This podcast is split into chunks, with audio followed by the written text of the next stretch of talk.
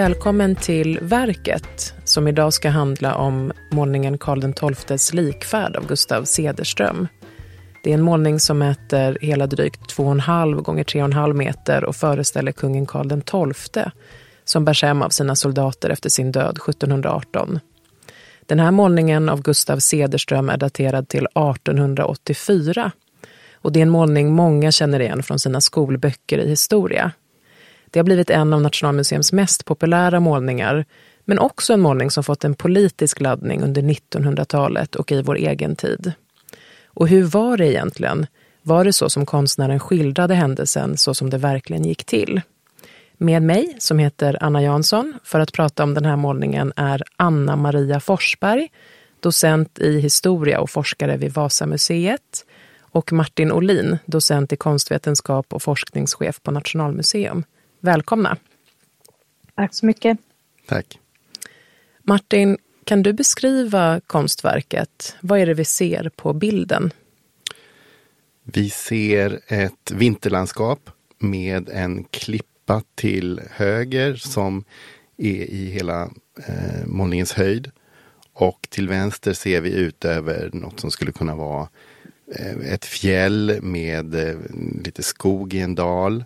Och det är mulet, eh, mörka skyar. Och genom det här landskapet och förbi klippan ringlar sig ett liktåg. Där det, alla är klädda i den svenska då blå och gula uniformen, lite olika varianter av den. En del har eh, bandage, en har armen i band. Och de första gruppen här bär då på en bår där den döde kungen ligger på en enorm kudde, eller huvudet vilar på en kudde. Ett blått, eh, en blå fana med kungens monogram under en krona eh, vecklar ut sig i vinden här. Och man ser att det, blåsten har tagit tag i en av karolinernas kappor som eh, fladdrar. Och till vänster så står eh, en liten grupp med en pappa, som, eller kanske en ja, en man som böjer huvudet i respekt för tåget som drar förbi. Och en eh, liten gosse då. Och en hund som skäller på den här eh, kappan som vecklar ut sig. Och pappan det är en jägare, han har en död tjädertupp som hänger över axeln. Och det här liktåget, det, man kan, det som fungerar effektivt är att det är verkligen som, som ett Z kan man säga.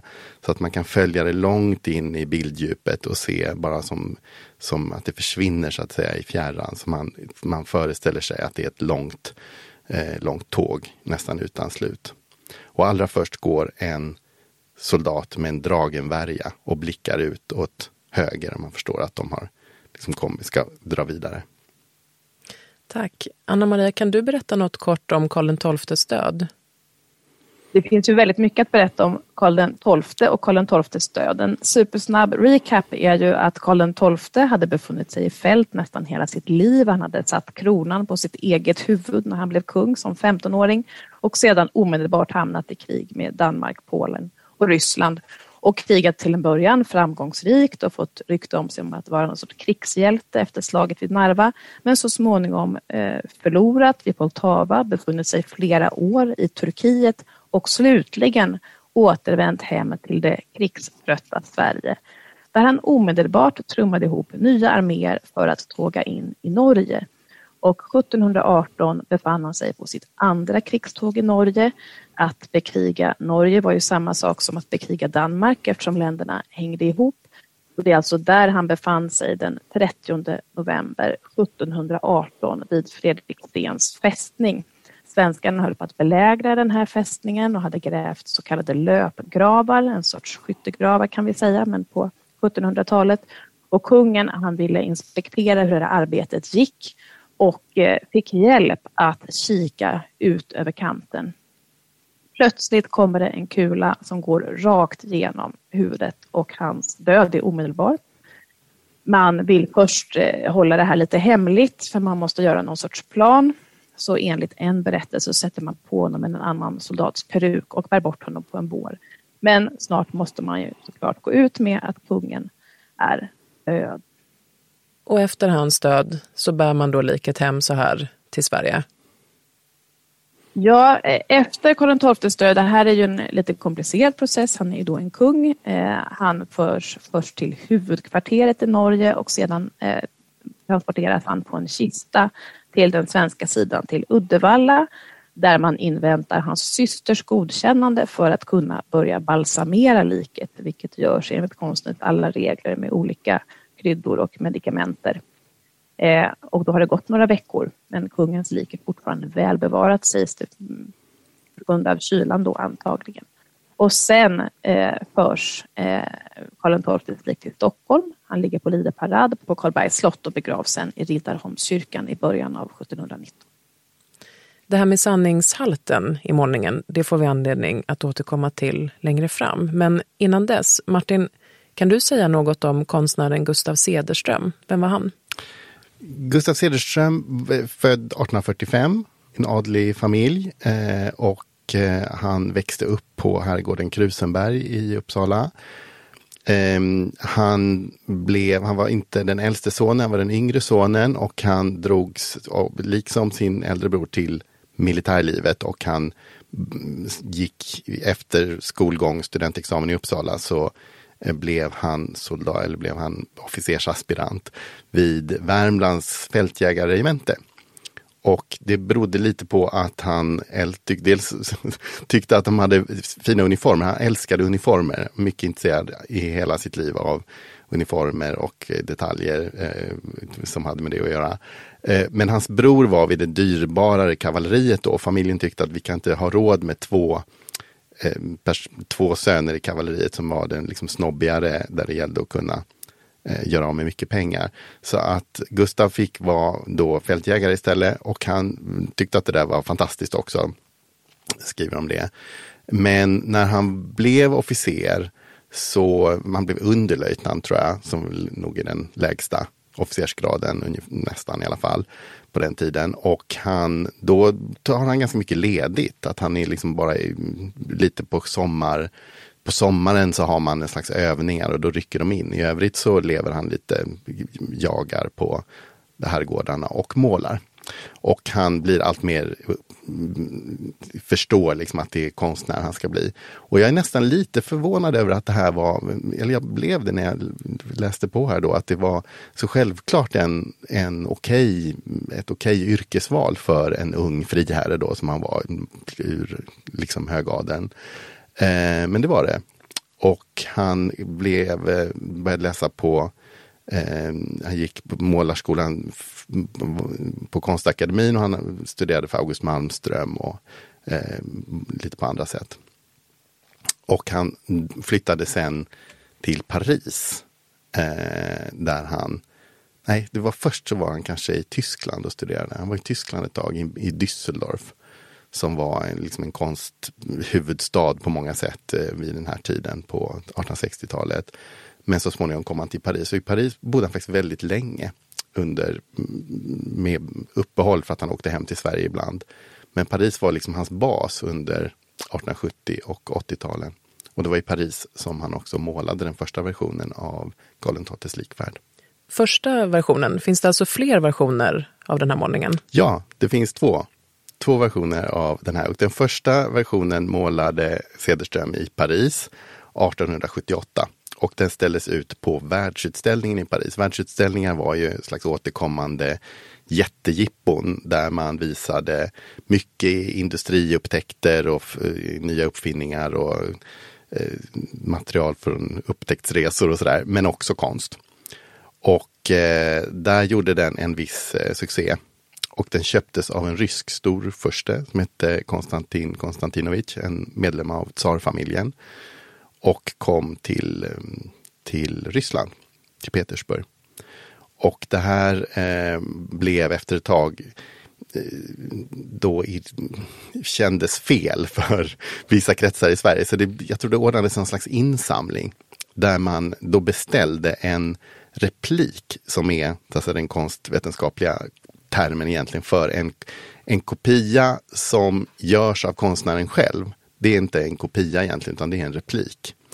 Eh, och den är då så att säga eh, i princip likadan, men det finns några skillnader som vi kanske kan eh, komma in på.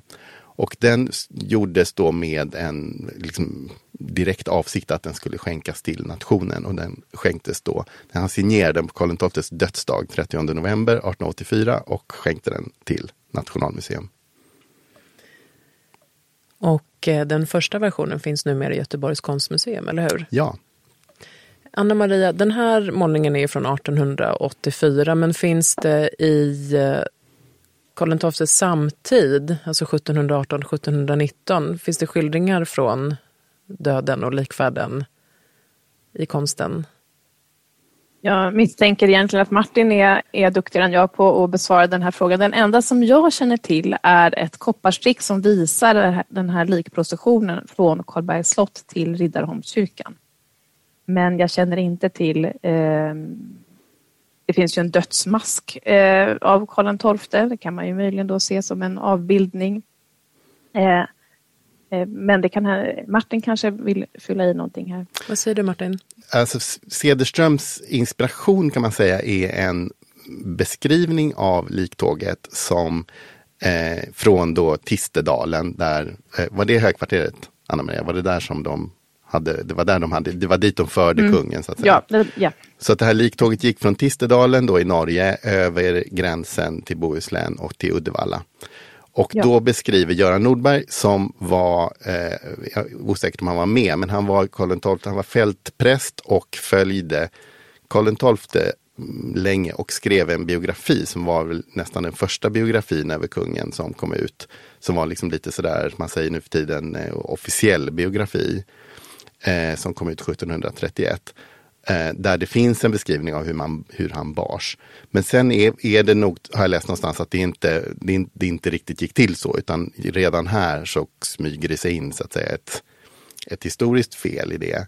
Eh, och det, antagligen är väl det grund, ett fel är väl att han förmodligen inte bars på en öppen bår. Det verkar ju liksom opraktiskt utan att han låg i en, i en kista. Men det hade väl blivit en liksom, tråkigare målning. Och det här skriver Cederström någonstans sen att det här, ja, ja, jag vet om att det inte gick till riktigt så här, men någon slags poetisk licens måste man ju liksom tillåta sig för konstens skull. Um, och det tror jag att de flesta förstår, liksom att, inte, att, man, att man inte det finns ju inget fotografi eller så som man kan liksom basera det på. Så. Men Anna Maria, skulle du vilja kommentera det? Är det här en historiskt korrekt bild? Nej, det skulle jag inte. Eh, och det tror jag inte heller var Cederströms avsikt. Han, det är inte så viktigt för honom att avbilda exakt hur det här gick till. Han har ju en större tanke med den här målningen som vi återkommer till. Men eh, den här färden gick ju inte genom några berg. Det är inte särskilt bergigt på vägen från Tisteldalen ner till Uddevalla. Han låg inte på en öppen bår. Eh, troligtvis så var de här soldaterna inte alls så propra och välklädda som på den här eh, målningen som känns ganska tillrättalagd i det avseendet. Och dessutom så har ju personerna på målningen eh, lånat anletsdrag av olika samtida till Cederström, till modeller från Frankrike och även Italien, men även från hans egen familj. Han figurerar själv i målningen och även hans lilla dotter Carola som hade fått sitt namn efter Karl XII, vilket ju visar lite grann eh, vilken varm Karl XII-anhängare han var. Martin, vad säger du om den historiska korrektheten i detaljerna? Alltså det, det är ju, jag tycker det är en knasig fråga på många sätt. För att om man tittar på de här så ser man ju att de ser ju, alltså, som han, alltså de ser ju ut som 1870-talsgubbar. De har alltså den första är ju ett självporträtt. Det är han själv, första Karolinen som kommer. Han har stora, lång, långa, uttvinnade mustascher som jag tror Cederström var ganska stolt över.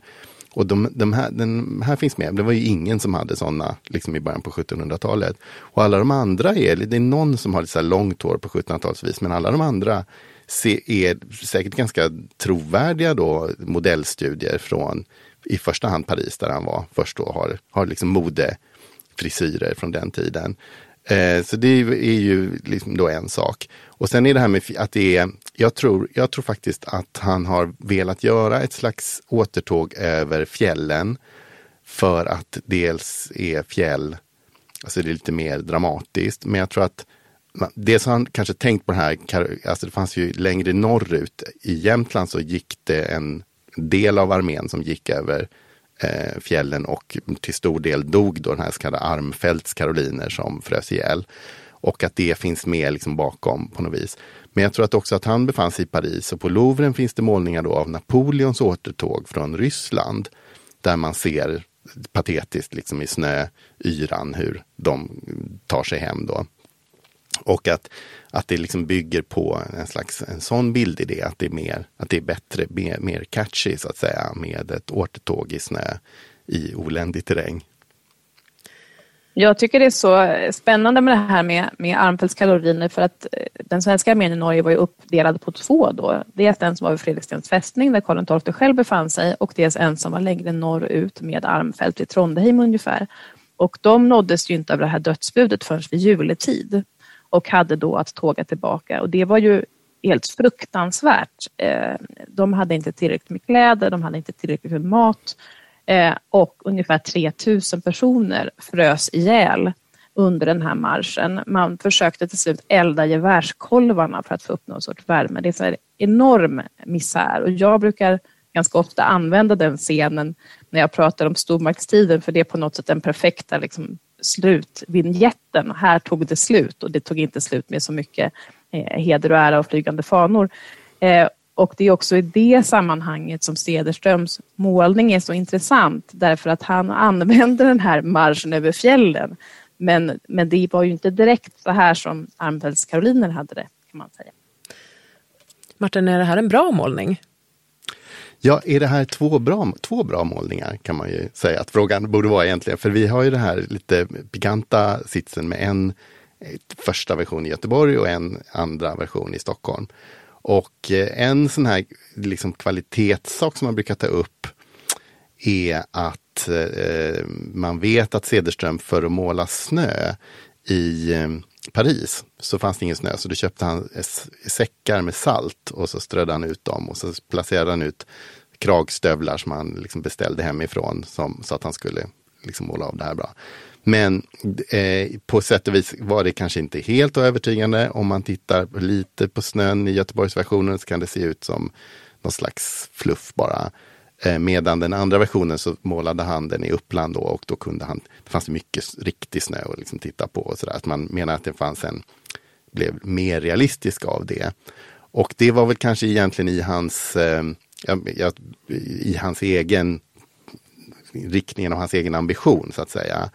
Eh, jag tycker att den har en, en härlig, det finns liksom en härlig atmosfär i den på det sättet att den, om man har varit ute en dag när temperaturen är kring noll i svenska bergen och det är mulet och det blåser och man känner att man börjar frysa direkt. Så tycker jag att man kan, att han har, återger den liksom atmosfären väl. Och man kan känna att det liksom, luften är fuktig och råkall. Jag tycker ju med den här tavlan, som med mycket annan konst och som med propaganda som jag brukar ägna mig åt i min forskning, att en fråga man vill ställa är ju vad finns inte med i tavlan? Cederström är ju otroligt skicklig i att han ger oss nu ett litet utsnitt av verkligheten, en liten en frusen ögonblicksbild med det här värdiga avskedet av den här krigshjälten.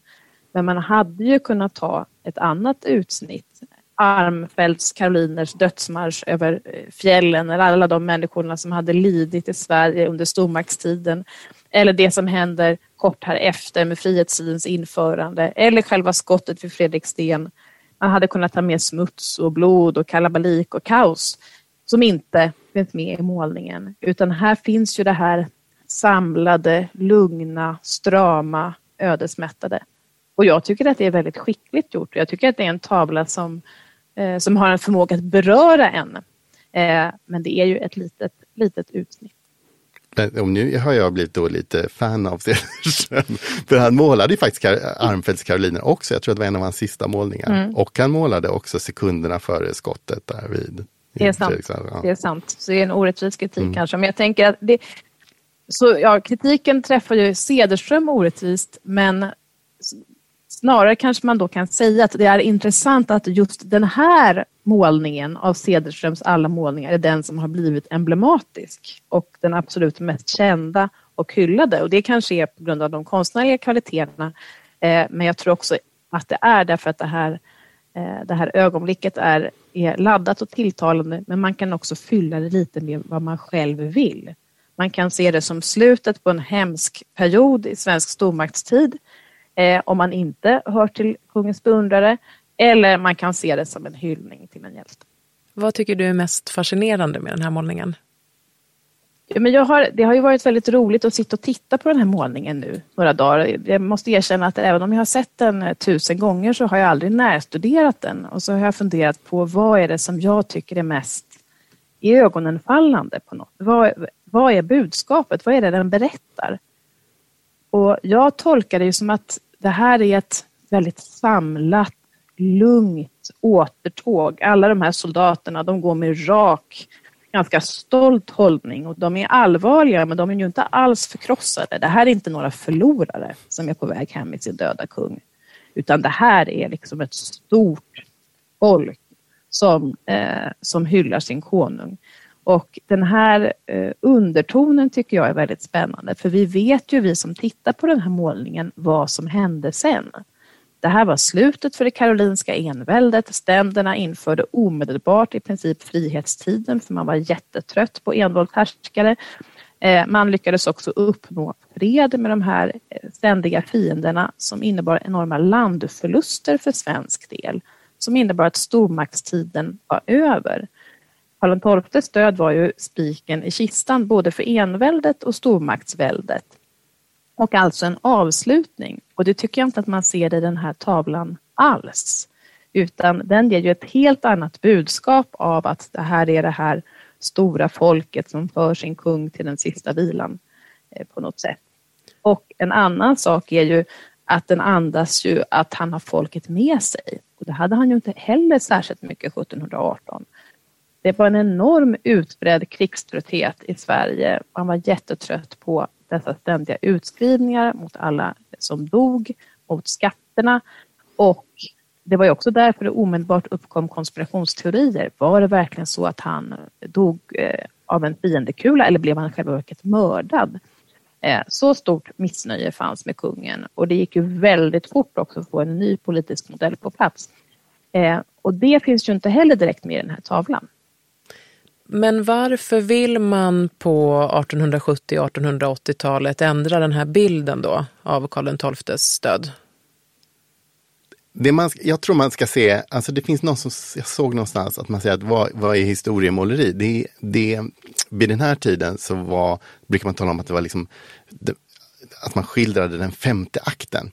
Så att det, man tänker sig en teaterpjäs, en klassisk tragedi, då är det så att i den fjärde akten så händer katastrofen och i liksom den femte så är katastrofen fullbordad. Och det är det som skildras här på något vis, att det här är alltid över. Det finns liksom ingen spänning längre. Nu, är nu har Sverige fallit och där, nu bär vi hem kungen. Och det, liksom, det klingar ut där.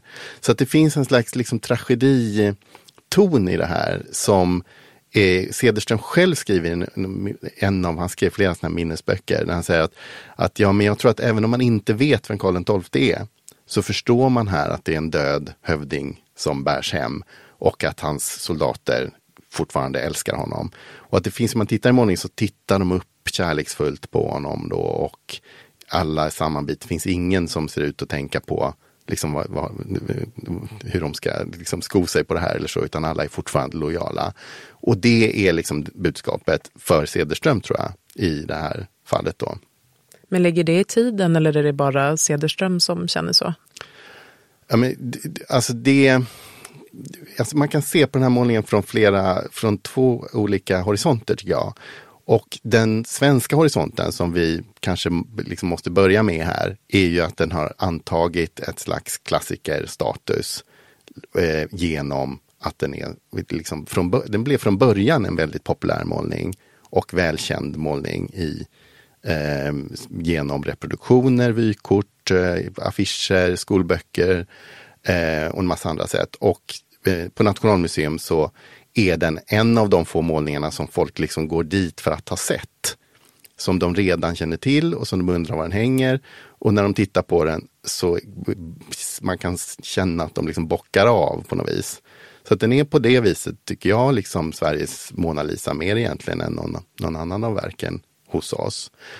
Men med det fall, följer också en slags liksom, bild av att man vill veta, man, man har redan ett förhållande till den här målningen och att den är på något vis däremot, som, alltså den måste ha någon form av autenticitet. Och då finns det en, att man ska liksom vill knyta detaljerna till någonting som man kan, som är konkret. Förlåt, menar du att man, man vill att den ska vara sann för att man har så mycket känslor för den? Alltså, man, alltså på något vis, så, jag vet inte om det är just det, men att man tycker att det, att det är viktigt att, att det finns någonting att förstå om den här målningen som man, som man kan förstå.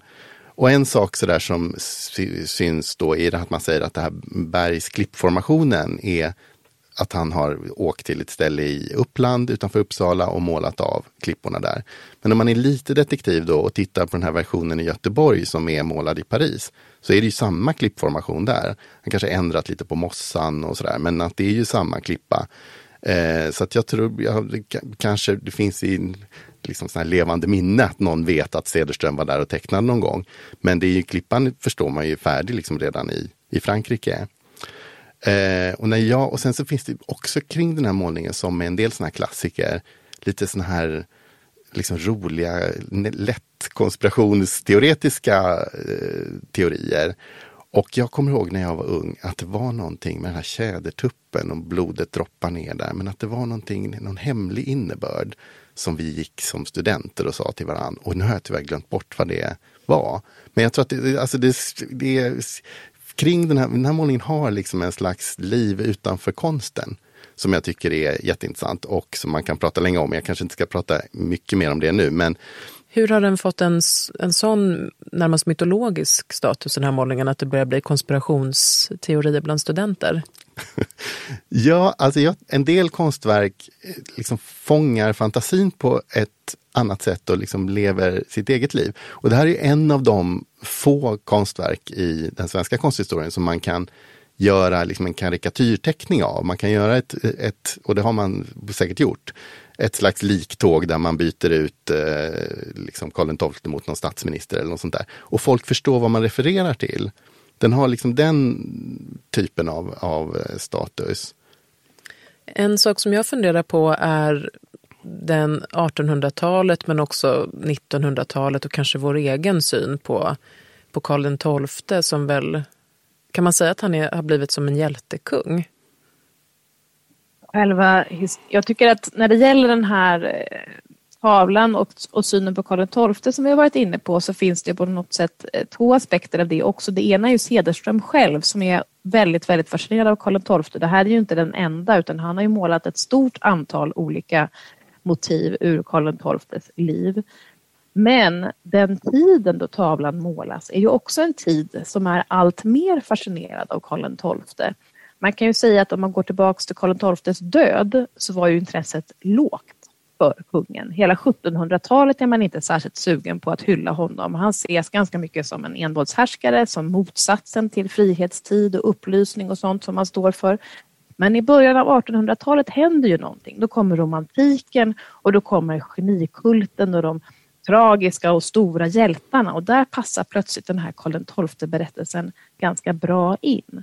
Och 1818 vid 100-årsjubileet för hans död då skriver ju både Geijer och Tegnér varsin Karl XII-dikt och de här blir väldigt stora. Kung Karl den unge hjälte, Tegnérs dikt är ju den som liksom blev kanske allra mest populär men även Narvamarschen av, av Geijer blir viktig. Och båda de här två, Tegnér och Geijer, de var själva ändå ganska skeptiska eller i alla fall ambivalenta till Karl XII. De såg inte honom alls bara som någon stor hjälte utan de såg honom som en person med ganska stora problem och hans handlingar och krigandet som ganska problematiskt. Men ju längre 1800-talet lider desto större intresse finns det för kungen och nästa stora milstolpe kan man säga är 1868 vid 150-årsminnet av kungens död då eh, skulpturen i Kungsträdgården uppförs efter en stor insamling. Och det här i sin tur är en reaktion på att tsaren i Ryssland, Alexander II, han har förbjudit alla folkfester utom när man firar slaget i Poltava. Och det här tycker man ju är ganska förolämpande och fel i Sverige i, i många kretsar och det blir en, en stor insamling och en ganska stor händelse det här med skulpturen. Men då är Karl XII i det här sammanhanget inte en högergestalt utan han är liksom en, eh, han är, står där barhuvad, han blickar mot öster, han är en liberal person men antirysk då. Eh, och det här antiryska temat blir sen viktigare och viktigare och samtidigt så blir Karl XII en gestalt som mer och mer anammas av högern i Sverige och eh, också då av, av konservativa historiker, den så kallade nya skolan. Och kommer vi in sen på 1900-talets början då har vi liksom en utbredd Karl XII-kult kan man nästan säga. 1900 firas 200-årsminnet av slaget vid Narva i hela Sverige. I skolorna hålls det tal, på Skansen är det stora uppträdanden. Skolbarnen strömmar till, det är illuminationer och det ena och det andra.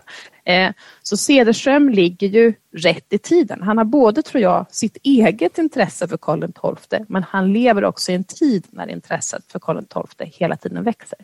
Men här, får jag fråga Anna-Maria då? Alltså, ja. hur, här, om du tänker 1878, Mm. Vad är, hur är konjunkturen då? Är det gamla skolan då med, liksom som levde, som regerade då, att han, att han var en usel kung? Eller hur?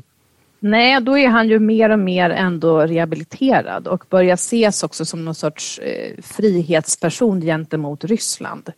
Eh, däremot så tänker jag, det är liksom lite mittemellan det här liberala idealet och det här högeridealet i tid och jag kan inte pinpointa exakt 1878 där konjunkturen stod då men, men eh, det börjar ju bli liksom det finns nog helt enkelt en parallell diskurs. Det finns de som fortfarande är kritiska mot honom som som kung och bland historikerna dominerar nog det narrativet fortfarande medan i eh, militära och politiska kretsar och bland allmänheten så börjar han nog bli mer populär. Och man börjar också ha sådana här Karl XII-firanden eh, i studentstäderna.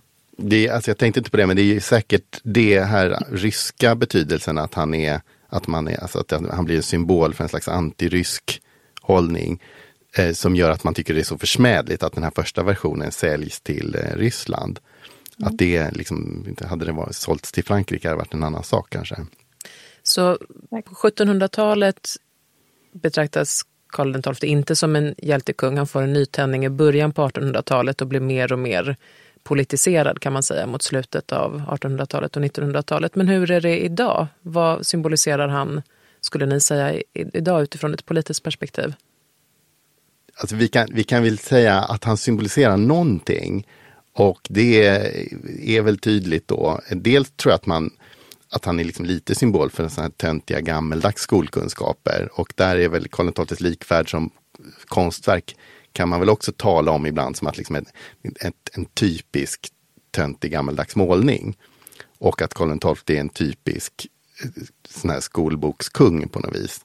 Men jag tror att den, så fort man är lite intresserad av historia så jag tror att det är väl fortfarande lite delat. Att man tycker att en del tycker att han är fascinerande gestalt och faktiskt var, hade stor framgång.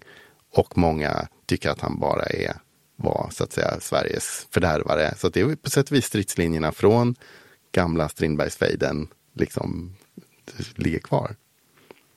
Jag har ju också, tror jag, för många komplicerats av att eh, både nazistiska rörelser i Sverige och liksom ny, storsvenska och nationalistiska rörelser liksom har anammat Karl XII och nästan kidnappat honom. Eh, från andra världskriget och framåt. Och det där har ju också varierat väldigt mycket. Ibland har de varit ganska tongivande och ibland har de varit väldigt marginaliserade.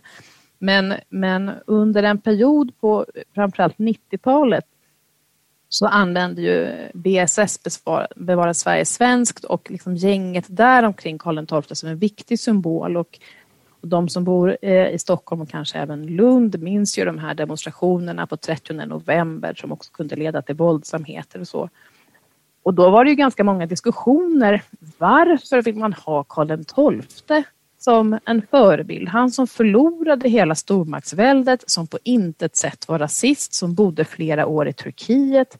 Varför ska han vara någon sorts eh, symbol för flyktingfientlighet eller storsvenskhet.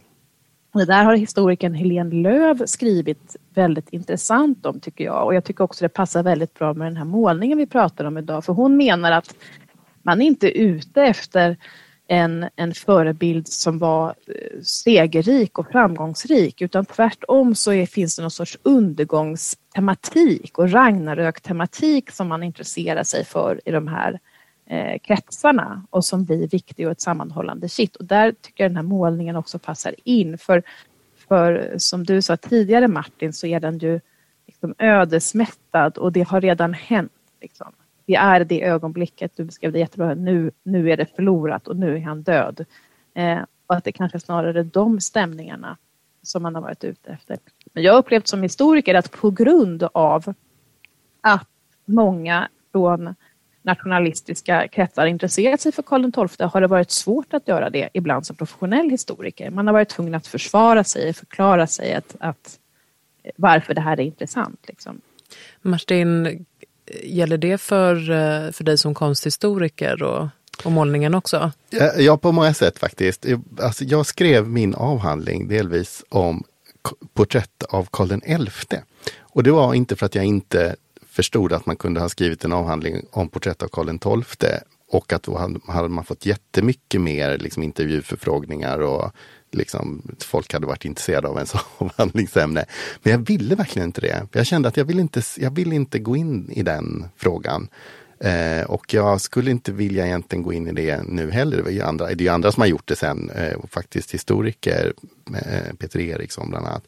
Men, men jag tycker att det är en, så, det är en, så, det är en svår fråga. Men när man, om man ska tala om 1800-talet så blir det här ju intressant igen då också på 1890-talet när Heidenstam skriver Karolinerna till exempel.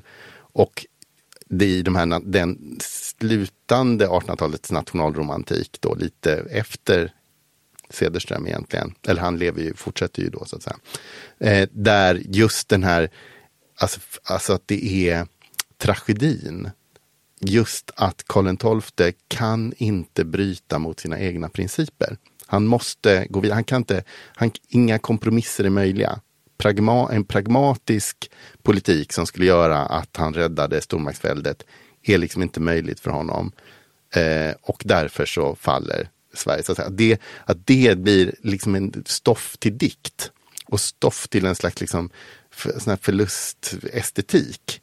Och det är ju eh, kanske liksom ingenting som Eh, liksom svenska nazister eller så går och liksom tänker på riktigt. Men, men jag tycker att det finns i, i, i Karl XII-bilden är, är det det som egentligen är liksom Karl XII i kulturen mycket mer än den liksom framgångsrike eh, fältherren. En undergångsestetik. Ja, det är en undergångsestetik, precis.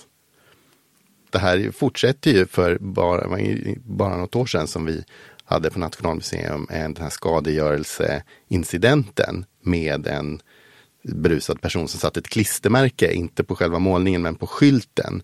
Och det här klistermärket var liksom antinazistiskt och att det var eh, i, i rättegången sen så intressant att det här liksom togs upp. Alltså att, det, att man såg det som ett som en laddad bild? Ja, som en laddad bild men också som en del av kulturarvet på något sätt som en annan målning inte skulle vara. För att den har lever ett liv som jag sa, så att säga, utanför konsten. Den lev, finns i den liksom allmänna föreställningsvärlden.